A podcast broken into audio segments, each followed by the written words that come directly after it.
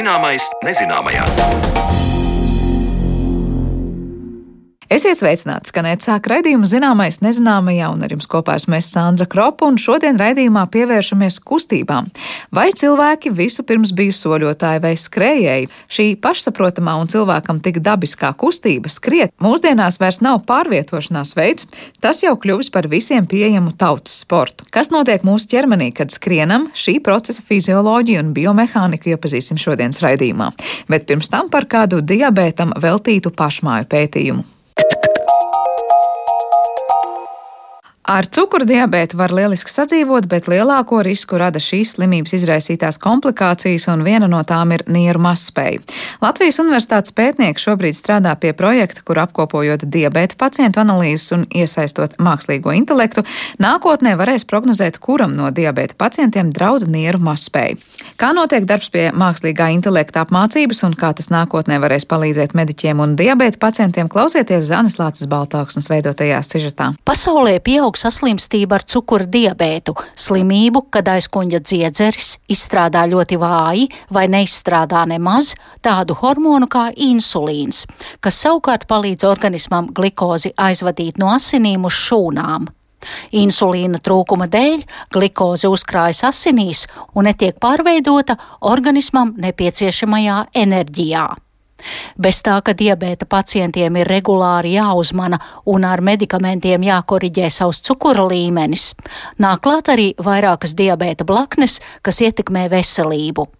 Viena no nepatīkamākajām komplikācijām ir nefropātija jeb nieru mazspēja. Un šobrīd Latvijas Universitātes medicīnas zinātnieki, ņemot talkā datorzinātņu speciālistu, pēta, kā nākotnē, iesaistot mākslīgo intelektu, varētu laikus paredzēt, kuram no diabēta pacientiem draud minētās nieru problēmas. Un līdz ar to var saulaicīgi uzsākt ārstēšanu, lai cilvēkam saglabātu apmierinošu veselību un dzīves kvalitāti. Latvijas universitātē notiek darbs pie tā, lai izstrādātu algoritmu, kas paredz nefropātijas iespējamību pirmā tipa cukura diabēta pacientiem. Un šo darbu veids Latvijas universitātes docente un vadošā pētniece Evita Rostoka. Jau kādus simts gadus pirmā tipa cukura diabetes nav nāves spriedums. 1922. gadā tika pirmo reizi ievadīts insulīns, izstrādāts, un, un, un tādā veidā cilvēki tika glābti. Jo pirms tam no šīs diagnozes mira īstenībā. Bet problēma tagad ir kāda. Cilvēki brīnišķīgi dzīvo, spricē, kontrolē, it kā viss ir brīnišķīgi, bet no pirmā tipa cukura diabēta var rasties komplikācijas. Mēs zinām, ka ir tā saucamā diabētiskā niere, var būt iestāties aklums, var būt nejūtība. Un tā tālāk. Un, lai to novērstu, nu īsti neviens nezina, ko darīt. Un kā to visu var prognozēt. Un tādēļ, lai laicīgi sāktu ārstēt vai aizskavētu šīs komplikācijas, jo no pirmā tipa cukura diabēta, tad attiecīgi var arī nomirt beigu beigās no šīm komplikācijām. Un tā tad mēs mēram asinīs noteiktus bioķīmisko molekulu līmeņus, kā arī gribam izvērtēt imūnošūnu līmeņus pacientiem ar diabētisko nefropātiju un bez diabētiskās nefropātijas, bet viņiem visiem ir cukura diabetes. Un saprast, kāpēc vieniem ir diabētiskā nefropātija, un otriem nav. Un tad tālāk šo visu šķetinot, iesaistot mākslīgo intelektu, tad mēs gribam noskaidrot, varbūt mēs varam uzķert Zināms ir, ka šīs diabētiskās komplikācijas tie ir daudz un dažādi faktori. Ik viens mediķis pateiks, jā, tas tur ir gēni vai veselīgs dzīvesveids, un, un tur jau ir jāskatās, vai ir vai nav liekais svars, vai cilvēks smēķē vai nesmēķē, cik apzinīgi ievēro diētu un tam līdzīgi. Jā, protams, protams, mēs ievācam anamnēzi dzīves anamnēzi, slimības anamnēzi, ģimenes anamnēzi. Plus mums ir ļoti liels palīgs. Mums ir Latvijā izveidota datubāze, Latvijas projekts. Tas notiek jau kopš 2013. gada projekts, un mums ir datubāze, kur nu jau ir. Varbūt jau tagad ir vairāk, bet 450 pirmā tipa cukura diabeta pacienti. Un tam dēļ mums ir milzīga datubāze, sākot no klīniskiem datiem, beidzot ar ģenētiskiem datiem. Un mēs apvienojam datus, un tad mēs skatāmies, ko mēs varam prognozēt, vai mēs varam izmantot jau uzkrātos datus no 13. gada, lai noskaidrotu, vai mēs konkrēti kādam pacientam varam prognozēt diabetiskās temperatūras attīstību ar šiem algoritmiem. Ir piemēram desmit Jāņi un desmit Annas, un, un visiem ir normāls ķermeņa svars, visi nesmēķē, nodarbojas ar fiziskām aktivitātēm, bet pieciem no šiem cilvēkiem varētu būt diabetiskā nefropātija, nu, jeb nieru problēma. Jā, kaut kādu citu iemeslu dēļ. Jā. Cilvēki tiešām ir ļoti, ļoti, ļoti dažādi. Faktori var būt ārkārtīgi dažādi. Un īstenībā tā ir tāda makšķerēšana. Mēs cenšamies uztaustīt, tātad, kas varētu būt tas prognostiskais faktors, un tam mums atkal palīdz mākslīgais intelekts. Mēs jau ar savēju netiekam galā. Mākslīgo intelektu jeb mašīnu mācību, kur datorā tiek ielādēti diabēta pacientu analīžu dati, pārauga Edgars Salna. Latvijas Universitātes medicīnas fakultātes pētnieks un doktorants, kura specialitāte ir programmēšana un mākslīgā intelekta apmācība. Tad mēs tagad mēģināsim klausītājiem pastāstīt, eh, paskaidrot, kā tas notiek. Es saprotu, ir diabēta pacientu asins paraugi analīzes, Jā. kur jūs analizējat konkrētu molekulu un kas notiek tālāk. Tanī brīdī, kad es saņemu datus, es saņemu nevis molekulu, bet jau apstrādātus datus. Konkrētās vērtības, kas ir iegūtas analīžu rezultātā, tad tiek apvienoti ar pacienta datiem un uh, tiek piemērotas Ja tā varētu izteikties, standartizētas mākslīgā intelekta apstrādes metodes, ņemot vērā to, ka viņas jau ir bijušas izstrādātas kādu laiku atpakaļ, uz viņu bāzēm jau ir izveidoti rīki. Un tas, ko es daru, ir sakomplektēt darba plūsmu, kur šie dati tiek nodoti mākslīgā intelekta algoritmam. Šis algoritms trenē, pieņemsim, uz pusi no datiem trenē šo mākslīgā intelekta modeli. Un pēc tam, kad trenēšana ir beigusies, šis modelis tiek testēts pret otru pusi datiem, lai saprastu, vai viņš ir kaut ko iemācījies, vai viņš spēj uz šiem testēšanas datiem, uztrenējoties kaut ko prognozēt vai nespēj. Un kādi līdz šim ir rezultāti? Mēģinu saprast, jā, kā tā mašīna var pateikt, lūk, pieciem no 200 būs problēmas ar nierēm nākotnē, un pieciem nebūs. Tad mašīna dod procentuālo iespējamību, ka šim konkrēti pacientam varētu būt, pieņemsim, šajā gadījumā diabetes nefrapātija. Un tad, attiecīgi, mēs varam prognozēt ar kaut kādu daļai iespējamību. Jā. Nu, varbūt būs, nav, tas nav simtprocentīgi, ka būs obligāti. Bet šajā gadījumā mūsu darbā mēs ar šo metodi īstenībā mēs viņu testējam. Mēs dotajā brīdī nevienam neko neparedzam. Mēs zinām jau, ka šiem pacientiem nav diabetiskā nefrapātija, un šiem pacientiem ir diabetiskā nefrapātija. Un dotajā brīdī mašīna mēģina uzminēt, kuram ir un kuram nav. Un tad, attiecīgi, tajā brīdī, kad mēs redzam, ka mašīna ir uzrunājusies tik tālu, ka viņa spēj uzminēt, ka tiešām viņam ir, nu, tas nenotiek simtprocentīgi, viņas uz 80%, tas jau ir brīnišķīgs rezultāts. Ka jā, šim, šim un šim Jānim Pēterim un Arnoldam ir diabētiskā nefrapātija, bet Annai nav. Pēkšņi izrādās, ka, pieņemsim, Annai ir un tad, attiecīgi, kādam no viņiem nav. Un tad viņi tik tālu trenējās, balstoties uz mūsu jau ievadītajiem datiem, šiem klīniskajiem, imunoloģiskajiem un tā tālāk, un tā joprojām. Un tad mēs zinām, o, tad mēs esam salasījuši kaut ko tādu. Kaut kas tajā visā mūsu informācijas jūklī, ko mēs esam ievadījuši tajā datorā, ir kaut kas tāds, kas paredz, vai tā var būt nevis viens faktors, bet vairāki faktori. Un tad mašīna mācīšanās to saliek kopā, algoritms saliek kopā, un attiecīgi tad viņš ir Tad uz šiem maniem piedāvātajiem datiem uztrenēšot, un tad pēc tam mēs varam paņemt kādu cilvēku, izstrādājot, piemēram, nu, tas ir nākotnē. Varbūt tas sanāks, jā, tad būtu skaisti, ja mēs ievadām kaut kādus noteiktus datus, un tad mēs pēc tam balstoties jau uz iepriekš izstrādātu algoritmu, ievadot šajā algoritmā jau citu cilvēku datus mēs varētu prognozēt, ka viņam varbūt būs diabētiskā nefrapāta. Nu, tas tāds stāsts no nākotnes.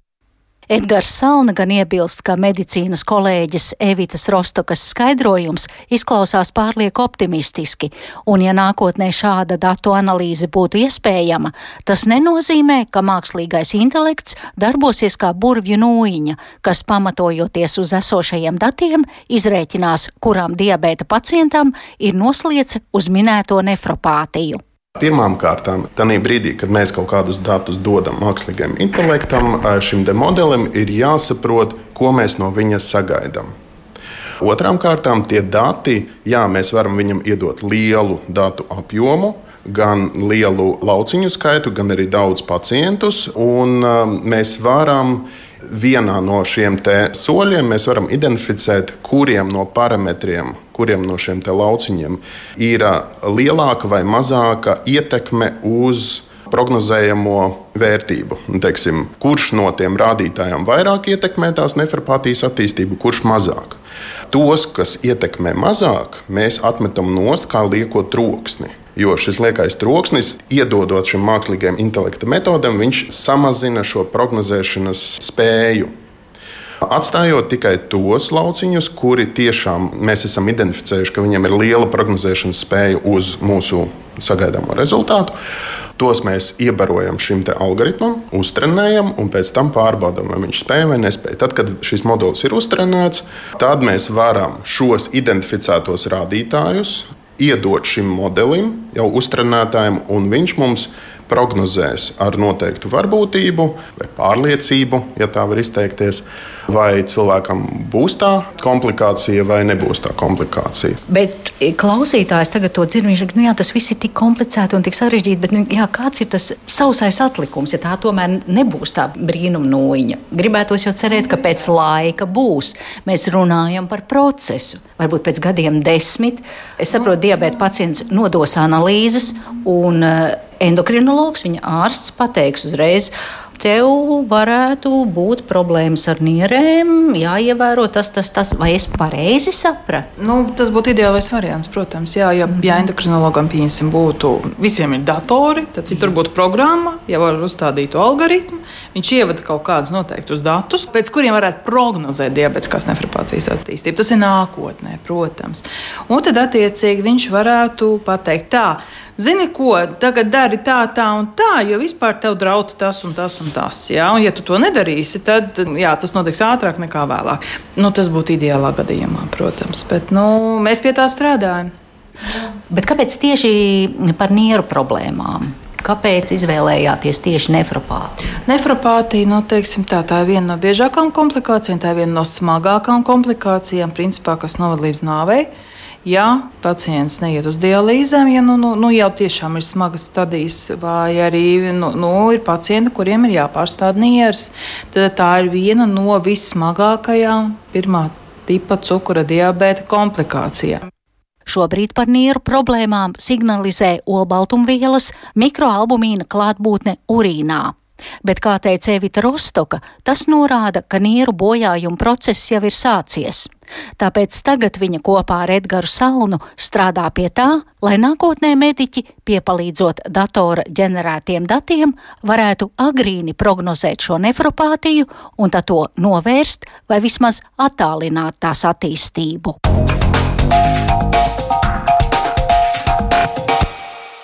Paldies Zanēlācei Baltāksnē par sagatavoto stāstu, bet raidījuma turpinājumā pievēršamies skriešanas un iešanas fizioloģijai.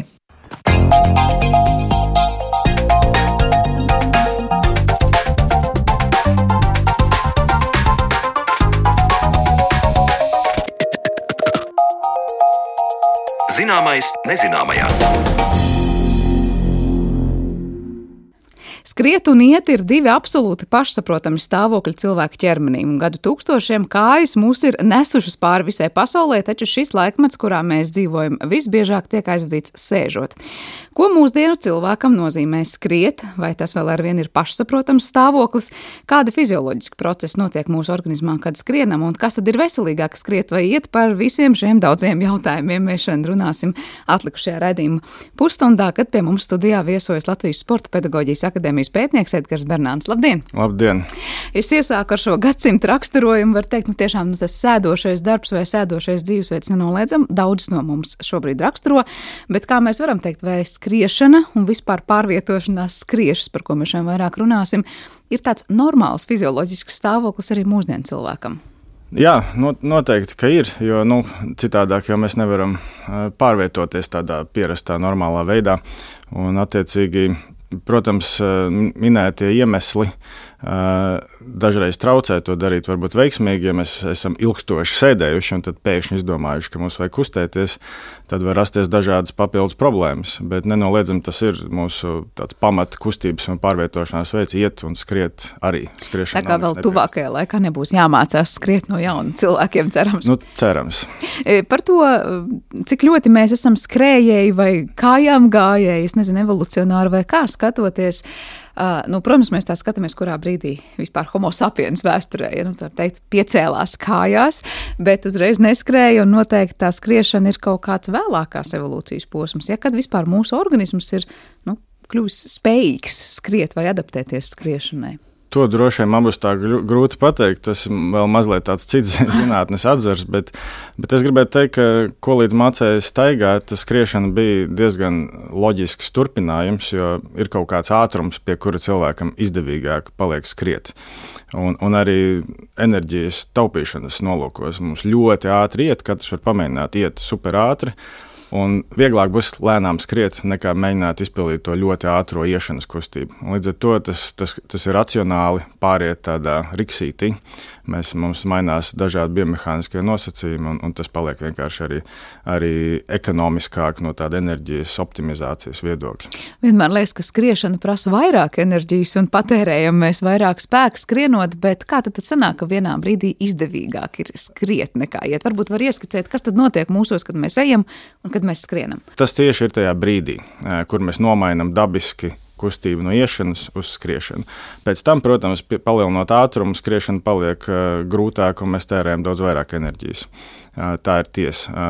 Taču, taču jā, ir šis moments, kurā, kurā mums racionālāk ir skriet.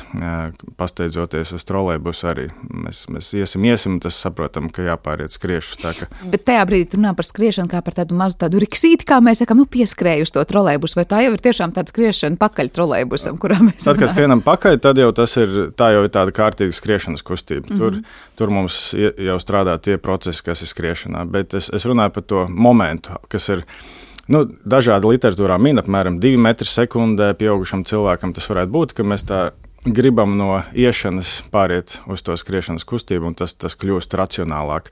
Un, un tērē arī mazliet mazāk enerģijas tieši tajā momentā. Tas, tas mazliet ir eksperimentāli arī konstatēts, ka, ka Tas, tāpēc arī cilvēks tā dara. Jā, tas ir interesanti. Tas ir tas soļu daudzums, vai īsums, vai ātrums. Kas ir tas, kas ir eh, mazāk enerģiju patērējuši nekā tajā brīdī, tā vēl joprojām ātrā iešana? Nu, skriešanas kustība principā ir leciens no vienas kājas uz otru. Mums sāk parādīties uh, lidojuma fāze. Tad mums kādu brīdi abas kājas atrodas atrauc no zemes. Nu, un, attiecīgi, ejot, šī, šīs fāzes nav.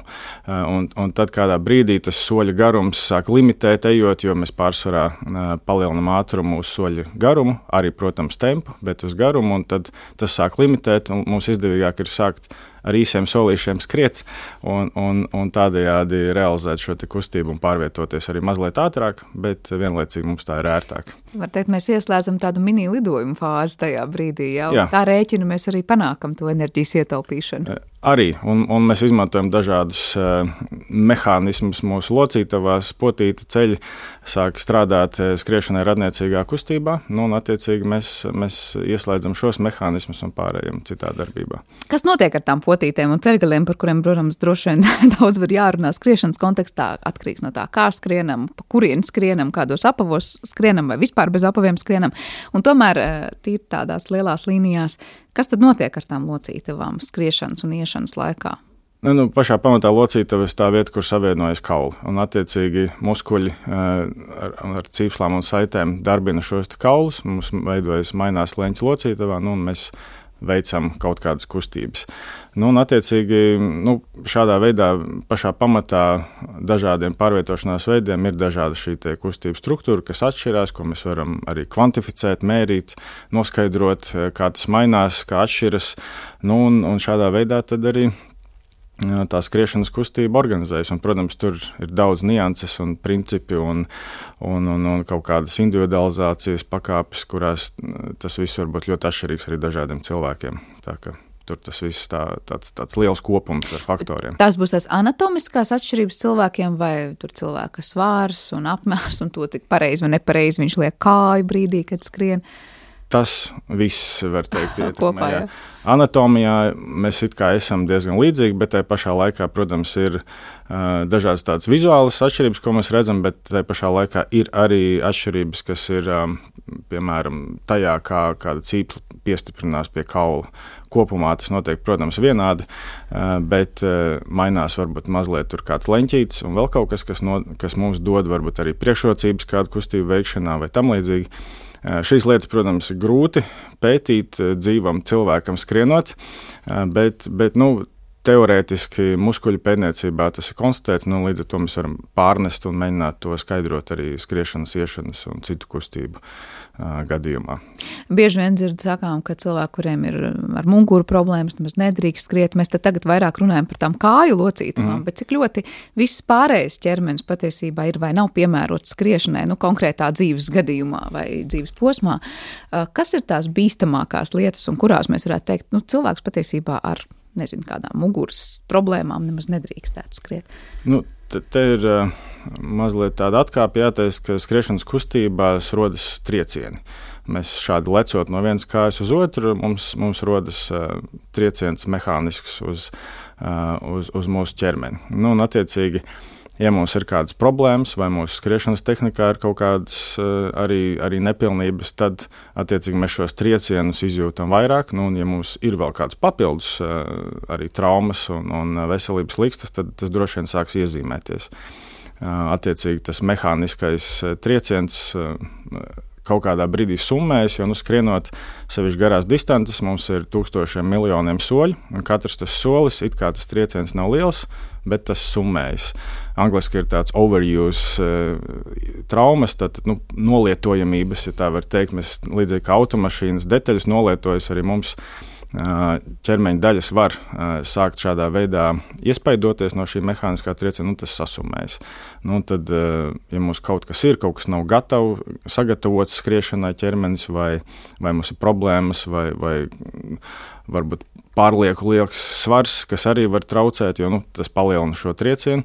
Nu, tad, tad eh, tas, tas eh, kaut kādā brīdī var sākt atspēlēties. Kas ir skriešanai sagatavots ķermenis?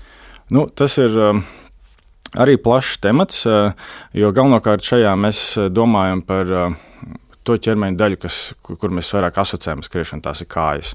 Uh, tur, tur ir arī daudz nianses, uh, bet, uh, bet pārsvarā mēs pievēršam uzmanību tam, mēs trenējam kāju muskuļus, mēs vienkārši skrienam, kur, kur jau tie muskuļi un, un, un viss pārējais jau tiek jau dabiski nosacīts, sagatavojas, bet mēs reti kad pievēršam uzmanību ķermeņa, ķermeņa augšdaļai, kur arī ir pietiekami daudz muskuļu, kas arī ir svarīgi skriešanā, piemēram, posmas noturēšanai un, un, un vēl citām lietām, kas eh, arī ir jātrenē.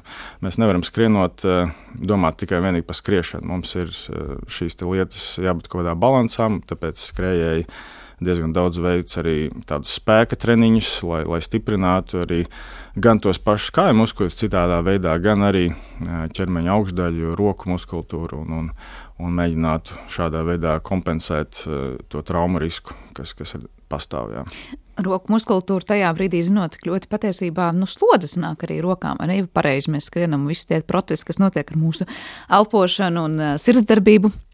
Droši vien vizuāli ir saskatāms arī tajā, cik ļoti aktīvi darbojas mūsu rokas. Jā, mēs nevaram ātri paskriet, ja mēs nekustinām aktīvi rokas. Protams, tur arī ir kaut kāds optimums. Arī saliekšanas leņķi, elkoņu locītavās, plecu darbība, bet rokas noteikti piedalās kustībā. Rokas gan piedalās bez tādas lielas noslodzes, viņas vairāk brīvi kustās, bet tas mums palīdz veikt efektīvu kāju darbību, tā ļoti vienkārši izsakoties, un arī saglabāt līdzsvaru. Ja mēs pamēģinām noskriet no stāvus nogāzt, tad tās rokas plivināsies uz visām pusēm. Un, jo mēs šādi saglabājam šo organizējumu līdzsvaru, lai, lai vienkārši nenokristu. Um, un, un, protams, arī vēl citas funkcijas, bet tie roku muskultūra, jā, varbūt, ja mēs skatāmies skrēju, roku muskultūra neizskatās ļoti trenēta. Uh, jo mēs nepārvaram kaut kādu pretestību. Pretstatā, piemēram, peldētājiem vai distanču slēpotājiem, kuriem ir arī rokām jāpara pretestība. Tur, tur tas iezīmējas arī vizuāli muskultūrā. Skrējējiem, varbūt riteņbraucējiem, garo, garo distanču riteņbraucējiem mazāk, tāpēc, ka tām rokām ir cita funkcija. Bet viņa ir un, un viņa nevar izslēgt un ignorēt. Jā. Bet uh, te būs droši vien atšķirība, vai mēs runājam par sprinteriem vai tādiem garo distanču skrējējiem. Nu, varbūt ne gluži varbūt vizuāli uzreiz uz rokām, lai gan varbūt, es nezinu, sporta pētnieki teiks, ir, ir pamanāmas atšķirības. Kas tur atšķirīgs notiek tajā, vai mēs skrienam lēnāk un garāku distanci vai ļoti, ļoti īsu distanci un krietni ātrāk? Uh, protams, ir, ir daudz nianses. Uh, it kā tā pati skriešanas kustība, bet uh, nereti arī lasot dažādus pārskatus sporta biomehānikā piemin, ir skriešana, un tad ir sprinta skriešana, kur, kur mērķis ir īsā laikā patērēt iespējami daudz enerģijas, lai veicinātu efektīvu kustību veikšanu. Nu, tad, attiecīgi, protams, tām rokām palielinās uh, nozīmi, jo tas efektivizē vēl vairāk šo kāju darbību. Uh, tāpēc nu, sprinteriem ir arī trenētāka ķermeņa augšdaļa. Uh, gan, gan šī iemesla dēļ, gan arī tāpēc, ka viņiem tā augšdaļa nav jānes piemēram 42 km kas maratonā būtu uh, nu, lieka muskuļu masa, jo viņi nepiedalās tādā tiešā kustības nodrošināšanā. Uh, tāpēc, uh, tāpēc mēs varam ļoti redzēt atšķirības starp sprinteriem un, un, un vidējo garo distanču skrējiem. Tur šīs ķermeņa uzbūves ir ļoti atšķirīgas, jo ir atšķirīgi uzdevumi, kas, kas ir jāsasniedz. Tāpēc Tāpēc tas, tas vienkārši tā, tā dabiski ir. Un, lai gan, protams, mēs varam arī ieraudzīt arī tādus, ja tā var izteikties, tievākus sprinterus. Arī, arī tas pats Usains Bolts. Viņš nebija tāds, tāds izteikts muskuļu kalns, kā, kā mēs bijām pieraduši varbūt redzēt kādus citus sprinterus. Lai gan, protams, viņam arī šī muskultūra bija daudz attīstītāka tieši, tieši priekš sprinta distances, bet, bet jā, garo distanču skriešanā šī, šī muskultūra, kas ir tāda lielā masa, tās pārsvarā ir tās sauktās ātrās muskuļu šķiedras, un, un garā distancē viņas ātri nogurst un viņas kļūst faktiski liekas, kā lieka masa, ko nest līdzi.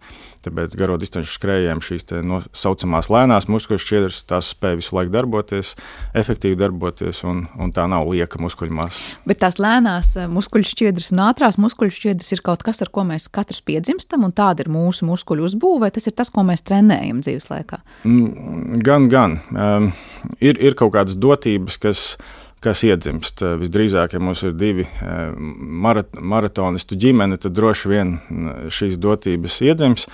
Trenējot, palielinot mus, muskulu, šīs muskuļu šķiedru skaitu, pārsvarā rodas šīs ātrās, un tad mēs viņus varam mēģināt pārveidot, pielāgot arī garo distanču skriešanai. Tātad, eh, tāpēc, eh, piemēram, sprinteri viņi trenē eh, spēka vingrinājumus veids, lai, lai uztrenētu šos muskuļus, lai iegūtu muskuļu masu. Nu, un, attiecīgi, šīs pārsvarā ir tās ātrās muskuļu šķiedras, kas viņiem uzreiz tieši noder. Viņiem, protams, jāiemācās ar viņām arī skriet. Tas vien, ka mūsu muskulis nenozīmē, ka mēs mākam likt viņu kustībā. Bet tie, tie, kas ir izturības sporta veidu pārstāvji, viņi arī trenē, bet viņiem tas jāveic daudz uzmanīgāk, neuztrenēt pārāk lielu muskuļu masu, un tad ir jāspēj šie muskuļi piedabūt pie ilgstoša darba, kas ir jau cits uzdevums. Tur ir daudz visādi fizioloģisku un, un, un nianšu, kā, kā tas notiek. Nu, un, un, un grūti pārbaudīt, vai tas ir noticis. Tāpēc tas ir tāds risks treniņu procesā arī kaut kāds, un, un tas prasa kaut kādu laiku. Un nav zināms, kā tieši tas nostrādās, jo to ir grūti arī mērīt. Jātaisa dažādas muskuļu biopsijas, ko sportisti nevisai vēlas darīt. Jo... Saprotam, iemeslu. Jā, jā. Bet tad sanāk tā, ka tie, kas ir vizuāli tādi, mums vienmēr liekas, tādi trenētāki un varbūt muskuļotāki cilvēki, tiem būs vairāk šīs ātrās šķiedras vai ne gluži. Un savukārt tās lēnās muskuļu šķiedras arī vizuāli izskatīsies tādas, varbūt, nezinu, tādi garāki muskuļi izstieptāki cilvēki, nu, ka mēs teiksim, reliefs un trenēts cilvēku ķermenis, bet bet, bet ne tāds ļoti uzpumpēts, kā tautā saka. Nu, vizuāli jā, iezīmējas. Varbūt viņi nav garāki, jo viņi vienkārši ir citādāk. Viņiem palielinās tas šķērsgaisma laukums, tāpēc viņi tādi apaļāki, ja, tādi resnāki, ja tā var teikt. Un līdz ar to viņi neizskatās gari, viņi izskatās tādu uz āru vērstu, un tāpēc arī izspiežas caur rādu, vai ne? Mēs viņus redzam.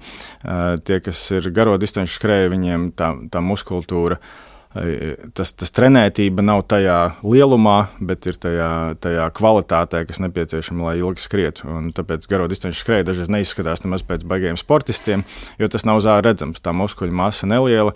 Viņiem ir piemēram liela sirds, labi attīstīta kapilāra sistēma, bet to jau mēs neredzam. Un, attiecīgi, tas, tas, tas tā neizskatās vizuāli iespaidīgi. Jā.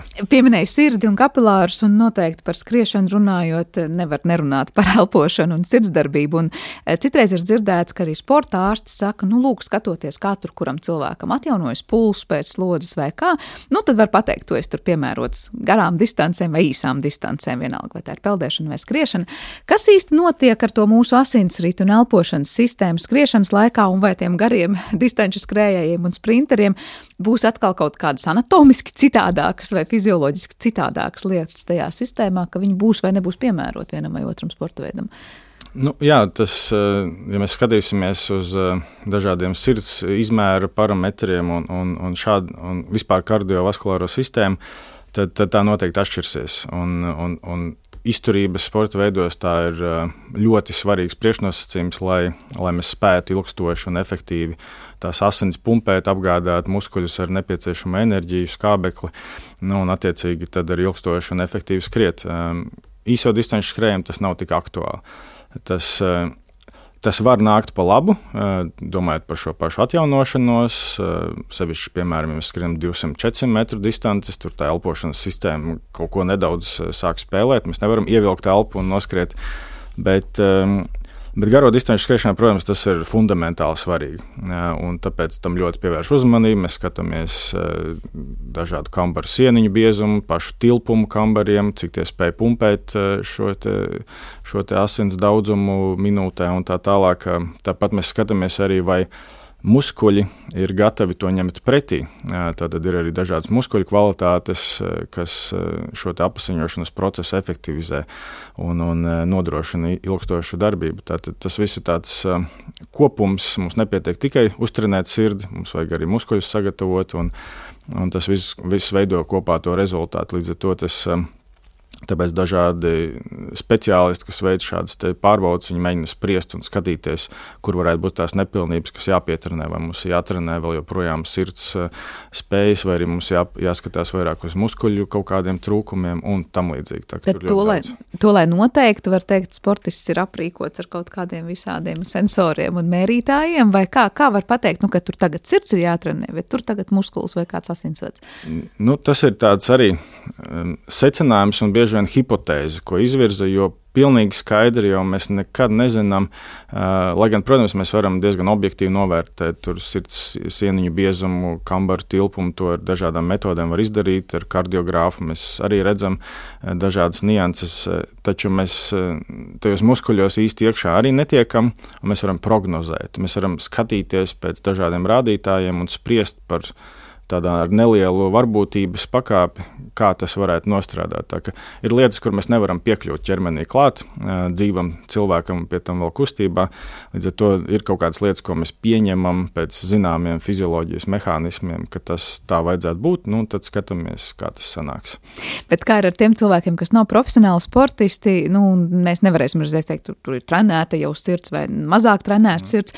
Nu, kad parasti sakām, veselīgi ir skriet, tad mēs varam teikt, ka tad, kad cilvēks uzsāk to skriešanu, savu nezinu, apņemšanos, ko var un nevar darīt nepareizi, lai tiešām tas būtu veselīgi, vai kaut ko cilvēks var skriet pilnīgi nepareizi. Nu, izņemot jau tos gadījumus, kur mēs sarunas sākumā teicām, ja ir traumas kaut kādas vai muguras problēmas, nu, kad mēs apzināmies, ka tas būs katrs solis kā trieciens, kas nenāks par labu. Nu, jā, tas nu, pirmkārt jāsaprot, jā, vai mums to ļauj darīt veselība. Ja ļauj darīt veselību kopumā, tad jau mēs varam to sākt. Uh, Protams, ir, ir kaut kādi pakāpenības principi, kas jāievēro. Tas viens no tādiem būtiskiem traumu profilakses ieteikumiem - pakāpeniskums. Bet nu, tas pakāpeniskums nereti ir. Nu, ne, mēs esam nepacietīgi, vai ne? Mēs vienu gadu skrienam pusmaratonu, nākamo maratonu un tam līdzīgi. Bet nu, katrā ziņā šis, šis, šis princips darbojas, un otrs arī, arī mums ir jāskatās uz to, mm, kā, kāds, kā vispār mūsu ķermenis ir sagatavots fiziski.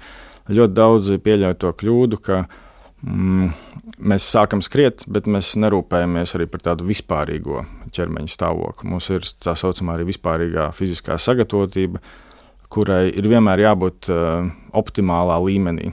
Un šis ir tas, ko nu, iesācēji nereti, protams, nu, kā nu es iešu paskriet, un, un, un, bet mēs varbūt nevingrojam dažādus spēka vingrinājumus, kas, ir, nu, kas mums ļauj to ķermeni uzturēt tādā kārtībā vis, viscauri, un, un arī dažādību.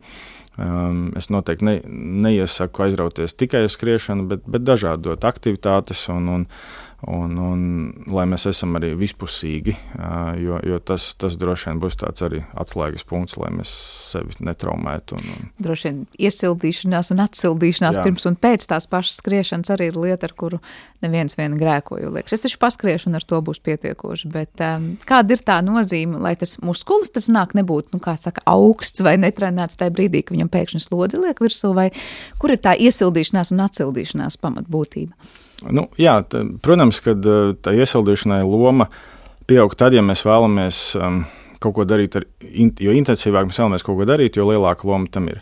Ja mēs um, izējam vieglā riksītī uz 20 minūtēm, tad eh, mums nevajag tāpēc tur pusstundu iepriekš eh, plaši iesildīšanos. Pietiek eh, tādas locītavu izvingrināšanas, lai negūtu kādas nejaušas traumas, tur uzkāpjot uz apmalītes vai paslīdot, un, un mēs varam iet skriet. Mums nav arī jāpārspīlē. Bet, protams, ka jo komplicētākas, augstākas intensitātes skrējienus vai citas darbības gribam veikt, jo tā iesildīšanās procedūra ir lielāka nozīme.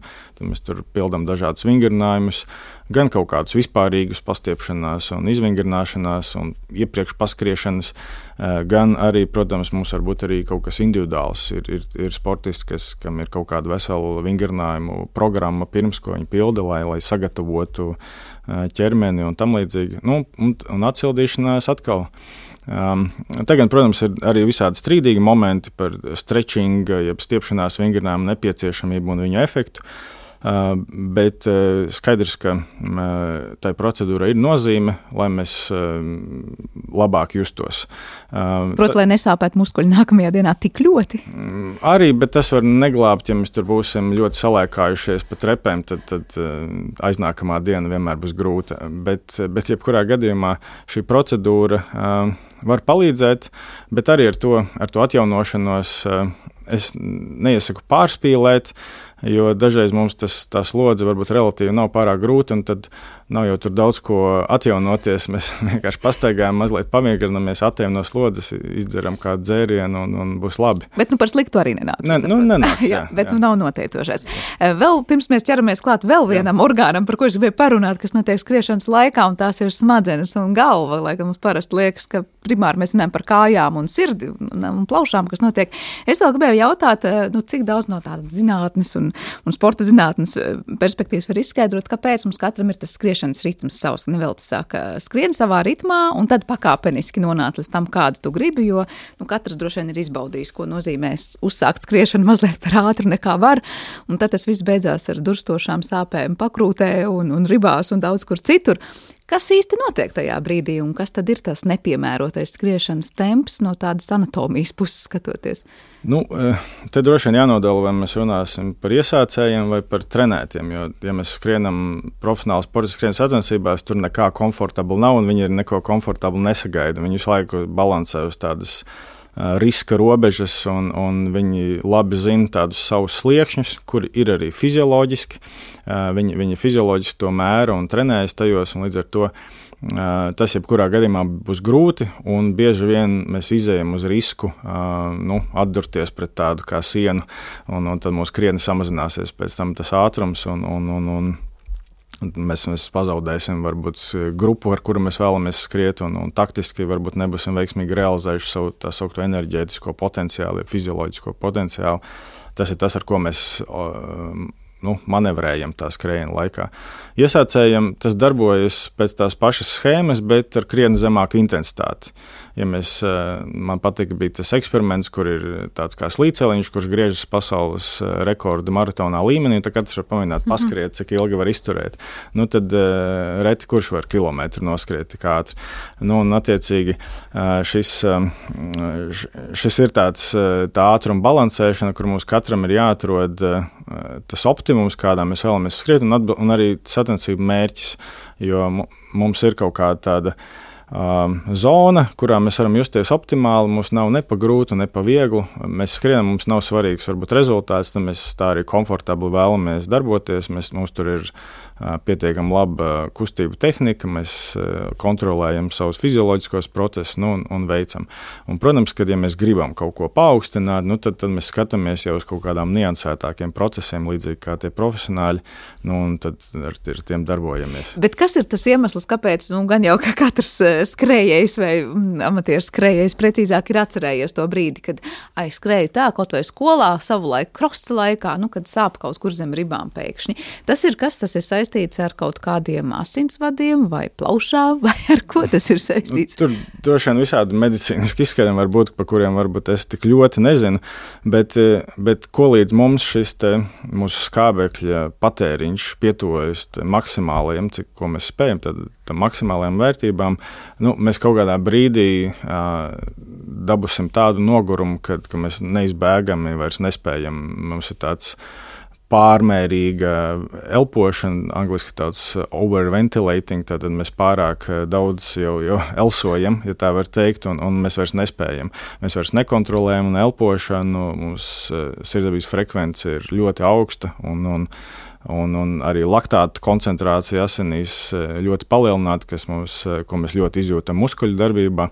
Nu, tad, attiecīgi, mēs šo skrējienu vairs nespējam turpināt. Mums, kā saka, viss sāp un ir ne, ļoti nepatīkami. Kā tajā brīdī varam teikt, tas ir sekas tam, ka pārāk daudz skābekļa tur bija konkrētajā vietā un konkrētajā. Ne skābekļa, bet mēs sasniedzām maksimālo robežu, un, un attiecīgi mēs vairs nespējam vairāk. Mēs ļoti elsojam, lai dabūtu to skābekli, bet mēs vairs nespējam. Nevaram mēs, dabūt klāt. Tas par tām smadzenēm, ko es vēl gribēju prasīt, es pat izlasīju vienā grāmatā, es nezinu, cik tas atbilst patiesībai vai nē. Ka, kāpēc ļoti labi tur skriešana vai sports kopumā trenē arī mūsu stresa noturību un daudz ko citu, ka tajā brīdī, kad paaugstinās mūsu asinsspiediens un daudz kas cits, mūsu smadzenes domā, ah, es tagad kontrolēti to daru, un es zinu, ka tas ir labi. Un tad tas, ko mans organisms jūt, tā ir, nu, var teikt, es nezinu, vai norma ir īstais vārds. Savukārt, tajā brīdī, kad mums ir kaut kāds paaugstināts stress, uz brīdi mēs jūtamies, nu, fizioloģiski ļoti līdzīgi tam, un tajā brīdī organisms var teikt, nu, atpazīst šo stāvokli, sakot, ok, es esmu ar to jau ticis galā. Vai tā ir tiesa, ka tas, kā mēs sportojam, nu, šajā gadījumā mēs vairāk runājam par mhm. skriešanu, nāk par labu tam, kas notiek ar mūsu smadzenēm, ar mūsu hormoniem, ar mūsu sajūtām, ar to, kas vispār notiek, var teikt, nu, ārpus tām kājām un sirds konkrētās um, sistēmas? Uh, nu, tādi cik, cik es, es neesmu ļoti šajā jautājumā specializējies, bet cik es redzu tā vispārēji pētījums, tad tādi tieši mehānismi uz smadzeņu darbību un kaut kādiem psiholoģiskajiem stāvokļiem, tad tieši mehānismi man šķiet, ka joprojām nav gluži izpētīti, bet ir skaidrs, ka kaut kāda ietekme ir. Un tādus, ja mēs mēram tādus ārējus izpausmes, tad, ja mēs paprasām cilvēkam, kā viņš jūtas pēc skrējiena, un ja tas skrējiens ir noritējis ap, aprakstītajā gaitā, tad parasti cilvēks jūtas labi. Katrs var, lai cik ļoti, jo vairāk pirms treniņa negribas iet ārā, tajā slapjā laikā skriet, jo labāk tu jūties pēc tam, kad tu esi noskrējis. Un, un, un, un tur ir kaut kādi psiholoģiskie mehānismi, kas mums noteikti ļauj. Tāpat tā ārēji mērot, mēs redzam tur tādas 是 um, nu, varbūt ne gluži depresijas, bet depresīvas noskaņojumus uh, kaut kādā veidā spēj mazināt arī šādas sportiskas un skriešanas aktivitātes. Tā ka uh, kaut kas šai virzienā tiek skatīts, jo, jo tas tā empiriski mm, cilvēki daudz saka, nu es paskrēju, man tā kā palika labāk un, un es jūtos labāk. Pasportot vispār liekas, ja visi, jā.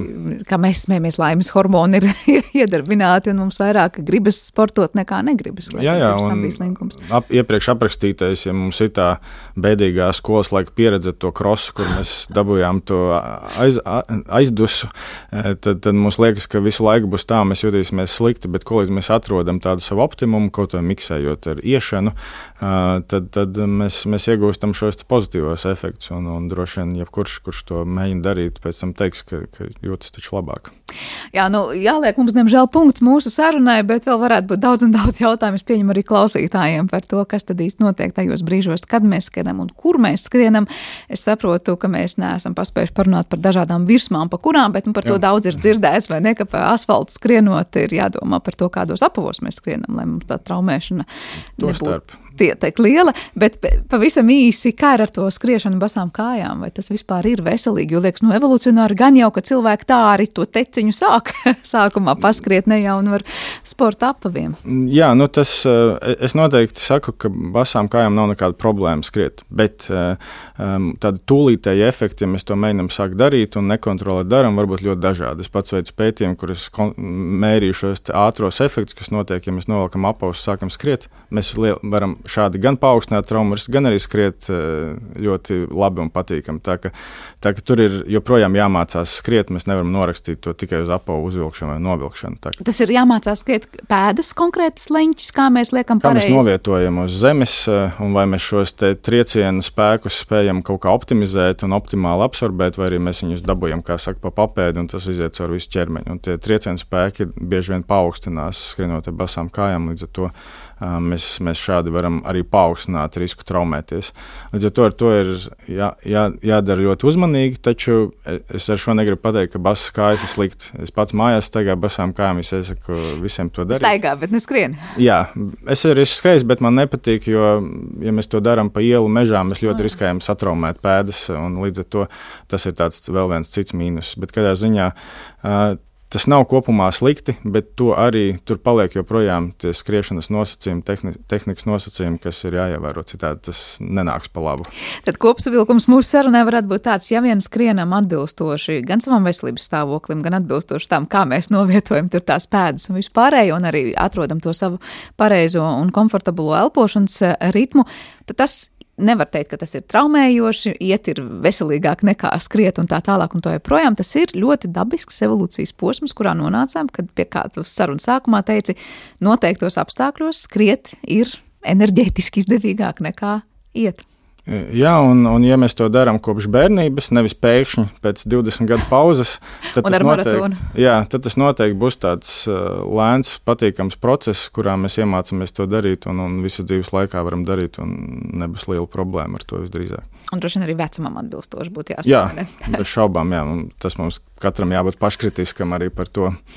Nu, ieklausīsimies savos ķermeņos un noteikti dosim iespēju attīstīt tās fiziskās aktivitātes, kas katram ķermenim nu ir tās piemērotākās. Paldies par sarunu. Edgars Bernāns, Latvijas Sporta pedagoģijas akadēmijas pētnieks, šodien viesojās pie mums raidījumā Zināmais nezināmajā. Ar to arī raidījums ir izskanējis un par to parūpējās producenta Paula Gulbinska, mūzikas redaktors Girds Bišels, bet šeit cāno bija skaņu režijā un es Sandra Krops studijā. Mēs tiekamies jau pavisam drīz, lai mums visiem jauka diena!